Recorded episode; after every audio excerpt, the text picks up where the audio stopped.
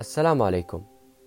أنا بهاء قباعة راح أقدم لكم بودكاست تعبر هنا حيث تعبر الروح عن شعورها وإحساسها حيث تلامس القلوب وتخاطب العقول. قبل فترة انتهيت من قراءة كتاب عقدك النفسية سجنك الأبدي. أهم كتاب قرأته في حياتي. الغريب في الموضوع أنني من أول صفحة قرأتها في الكتاب وإلى آخر صفحة وأنا في مزيج من حالتي الصدمة والذهول. وهذا مؤشر واضح إلى أن الكتاب أضاف لي الكثير. فكما يقول فرانس كافكا إذا كان الكتاب الذي نقرأه لا يوقظنا بخبطة على جمجمتنا فلماذا نقرأ الكتاب إذن؟ كي يجعلنا سعداء؟ كنا سنصبح سعداء حتى لو لم تكن عندنا كتب.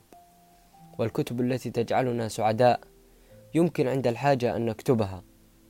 إننا نحتاج إلى تلك الكتب التي تنزل علينا كالصاعقة التي تؤلمنا كموت من نحبه أكثر مما نحب أنفسنا التي تجعلنا نشعر وكأننا قد طردنا إلى الغابات بعيدا عن الناس مثل الانتحار. على الكتاب أن يكون كالفأس التي تحطم البحر المتجمد في داخلنا. هذا ما أظنه.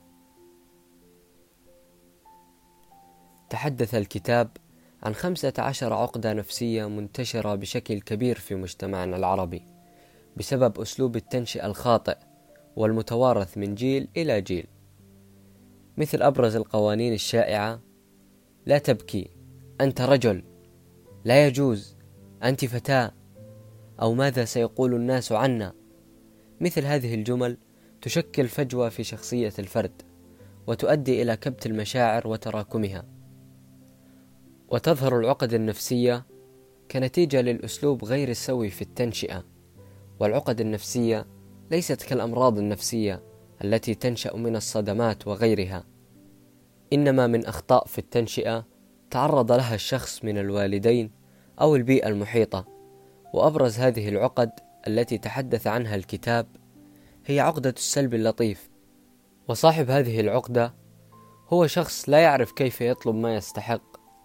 وإذا طلب يشعر بأنه عبء على الطرف الآخر يسعى لإرضاء الجميع. لا يشارك آراءه الفكرية الخاصة خوفا من أن يغضب الآخر أو يدخل في حوار غير مريح. يشكك في آرائه الخاصة ويتأثر بسرعة بفكر الآخر. قد يمر بموقف يشعر فيه باستياء حيال الآخر ولكن لا يستطيع أن يعبر عن ذلك ولو كان صديقه. بل يفضل الانسحاب ويتوقع من هذا الصديق أن يكتشف بنفسه خطأه. وإذا عبر يستخدم اسلوبا غير مباشر. كلمة لا ليست في قاموسه. إذا أخطأ يعتذر بشكل مفرط. وفي بعض الأحيان يعتذر حتى لو لم يخطئ. يحاول الحفاظ على توقعات الناس بأنه شخص طيب محبوب لطيف. لا يعرف كيف يغضب. دائم الابتسامة. يسخر من نفسه لتلطيف الأجواء في معظم الأحيان. كثير المجاملات الزائفة المصحوبة بالمبالغات. تعريف السلب اللطيف. هو الشخص الذي ينساق مع الآخر. لا يتصادم. ينقاد ولا يقود. يتقبل ما يفعله ويقوله الآخر بلا أي محاولة لتغييره. ويراعي شعور الآخر على حساب نفسه. يعاني من عقدة المجتمع أي صورته أمام المجتمع أهم من صورته أمام ذاته حيث تجد أنه في طفولته حاول إرضاء الأبوين على حساب نفسه ليحصل على التقبل منهما. واليوم أصبح المجتمع هو الصورة المكبرة للأبوين. سمع في طفولته كلمات تعزز قيمة رأي المجتمع على حساب رأيه الشخصي بنفسه. لا تحرجنا أمام الناس.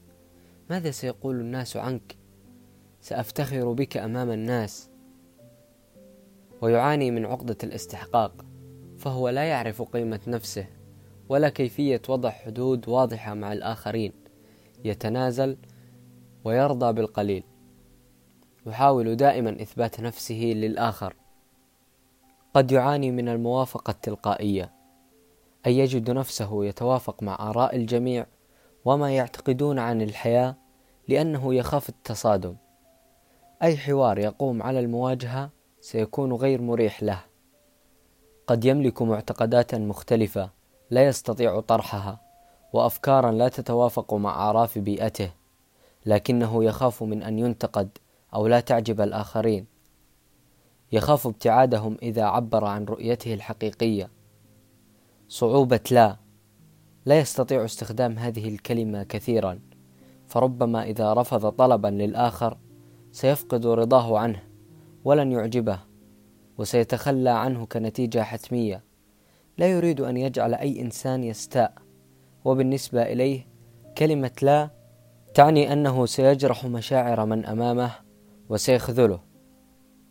يعتقد أنه مضطر في كل الحوارات إلى تلطيف الجو بالسخرية والابتسامة المصطنعة أو المجاملات المزيفة لكي لا يمقت الآخر وجوده معه.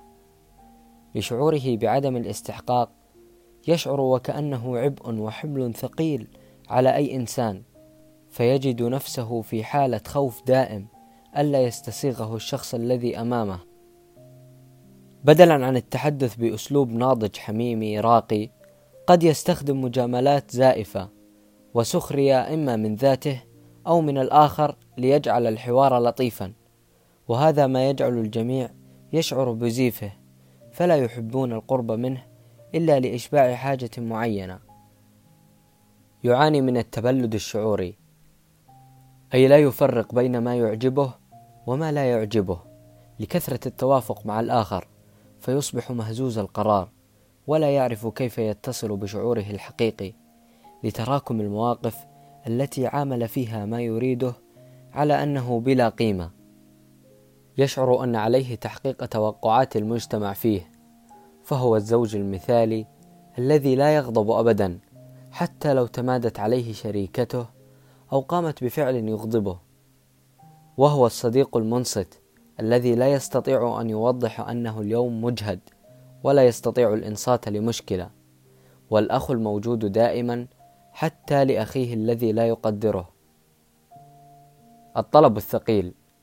الإحساس الدائم بأن أي طلب منه أو تحقيق حاجة له ستكون عبئا على الآخرين.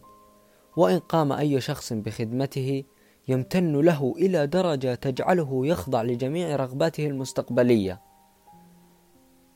طلب من زميل بالعمل مساعدة بنبرة ضعيفة متوترة. أعتذر على الإزعاج لكن هل من الممكن أن تعطيني قليلا من وقتك؟ وأنا يعني متفهم إن لم تستطع اعطائي هذا الوقت. أنت تعرف يعني لأنك مشغول. وأيضا لا أريد أن أثقل عليك بطلب التافه. هذا مثال لطريقه طلب السلبي اللطيف. نلاحظ اولا أنه يعتبر نفسه مزعجا. التبرير الطويل بأنه يتفهم أن الآخر مشغول. إعطاء إيحاء أن رغباته ليست ذات قيمة. الأسلوب الناضج بنبرة واثقة. أريد دقائق من وقتك الثمين. طلبي هو وضوح وصرامة ومعاملة طلبك كقيمة. وافتراض أن الجميع سيوافقون عليه تلقائيا. أنت من تعلم الناس كيف يعاملونك. فإن عاملت نفسك كملك فيما تطلب وشعرت أنك تستحق أن تقدم لك الخدمات من قبل الجميع ستعيش واقعا تكون فيه ملكا. مثال على السلب اللطيف إذا طلب إجازة مرضية من مديره. لو سمحت حضره المدير أنا لدي ظرف طارئ. فزوجتي اليوم تعاني من المرض وتحتاجني بقربها. وأنت تعرف أني لا أحب الغياب ولكنني مضطر. أرجو أن تسامحني على هذا وأوعدك أنني سأقوم بالتعويض في العمل. علما أنه نادرا ما يطلب إجازة لعذر مرضي وأنه حق لكل موظف أخذ 15 يوم عذرا وفقا للقانون. إلا أنه يكثر التبرير والإعتذار وكأن هذا المدير هو الذي سيحدد مصيره وله الحق بالرفض إضافة إلى أنه شرح تفاصيل ليس لها داع عن حالة زوجته.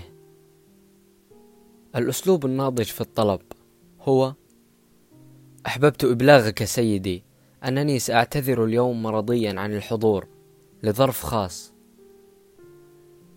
طلب إنجاز معاملته من موظف حكومي لو سمحت هل من الممكن أن تنهي معاملتي؟ الموظف يرد اليوم نحن مزدحمون احضر غدا. رد السلبي حاضر وأعتذر على مقاطعتك عن عملك. لاحظ هنا أنه أتى لإنجاز معاملته التي من المفروض حسب الموعد المسبق التي تم إبلاغه بأنه سينهيها اليوم. ترك عمله باستئذان لا يعطى إلا مرتين بالشهر ليحصل على هذا الرد من الموظف وتقبل بشكل كامل وعاد لبيته بلا إصرار على إنجاز طلبه أو إيضاح استيائه للموظف الذي لم يقدر ظروفه. الأسلوب الناضج أحترم أنكم مزدحمون لكن تم إعطائي موعدا وغير مسموح بإضاعة وقتي بهذه الطريقة. أطلب مقابلة مع المدير ولن أخرج إلا حين تنتهي معاملتي. رد الموظف أرجوك لا تغضب سنحاول إنهائها ولا داعي لزج المدير بالأمر. لاحظ أنه قاتل لأجل ما يريد لأنه يعلم يقينا أننا نعيش في عالم للأسف الحقوق فيه تنتزع لا تؤخذ ولا تعطى. وللحصول على ما هو حقك قد تحتاج إلى الدخول في معارك صغيرة. مثال آخر طلب وجبة من أحد المطاعم وأتت الوجبة من مكونات غير التي طلبها. سيصمت ولن يواجه لكي لا يحرج الموظف وسيأكل الوجبة وكأن شيئا لم يكن الأسلوب الناضج سيطلب إعادة تجهيز الطلب وسيحاسبهم على وقته الضائع لأنه يعرف يقينا أنه دفع لهذه الخدمة ويستحق الحصول عليها كاملة بلا نقص كيف تواجه آلية السلب اللطيف؟ هل تعتقد أن مراعاة شعور الناس على حساب نفسك سيجعلك تعيش سعيدا؟ هل تعتقد أن محاولاتك لإثبات نفسك لأي إنسان ستزيد من قيمتك؟ إلى متى يا ترى ستبحث عن قيمتك في أعينهم؟ تصفيقهم، أقوالهم، نظراتهم، تقديرهم. ألا تعلم أنك بهذا ستكون دائما سجينا لما يريدون يا صديقي؟ وعلى حين غرة ستعرف يقينا أنك خسرت نفسك وأصبحت حرباء تتلون وتتشكل وأضعت سر رحلتك الأساسي في هذه الحياة وهو الوصول لذاتك ومعرفة ماهيتك الحقيقية كيف تقول لا؟ اعرف أن من يملك قيمة ذاتية عالية سيشعر أنه إذا أعطى خمس دقائق من وقته لأي إنسان آخر فهذا شرف عظيم لهذا الإنسان لأنه يعرف جيدا قيمة وقته وجزء أساسي في كل صاحب استحقاق أنه يقدس الثانية ويعلم أهمية جدولة وقته الخاص وحمايته فليس كل ما هو ضروري في حياة غيره يكون ضروريا في حياته. في اللحظات الأخيرة قبل أن يتم إلغاء الحكم على الفيلسوف فيودور ديستوفسكي قال لا يعرف معنى الحياة إلا من فقدها أو أوشك على فقدانها. إما أن أعود إلى الماضي حتى أفكر بكل الوقت الضائع سدى أفكر بلحظات البطالة والعطالة والضلالات والفرص التي ذهبت. كم أخطأت بحق نفسي عندما أفكر بكل ذلك أشعر بنزيف دام في قلبي. والآن وأنا أغير حياتي أشعر وكأني أولد بصيغة أخرى. كانت هذه حلقتنا لهذا اليوم. كان معكم بهاء قباعة بودكاست عبر. اعطوني آراءكم بهذه الحلقة وانتظروني بحلقة جديدة عما قريب. إلى اللقاء.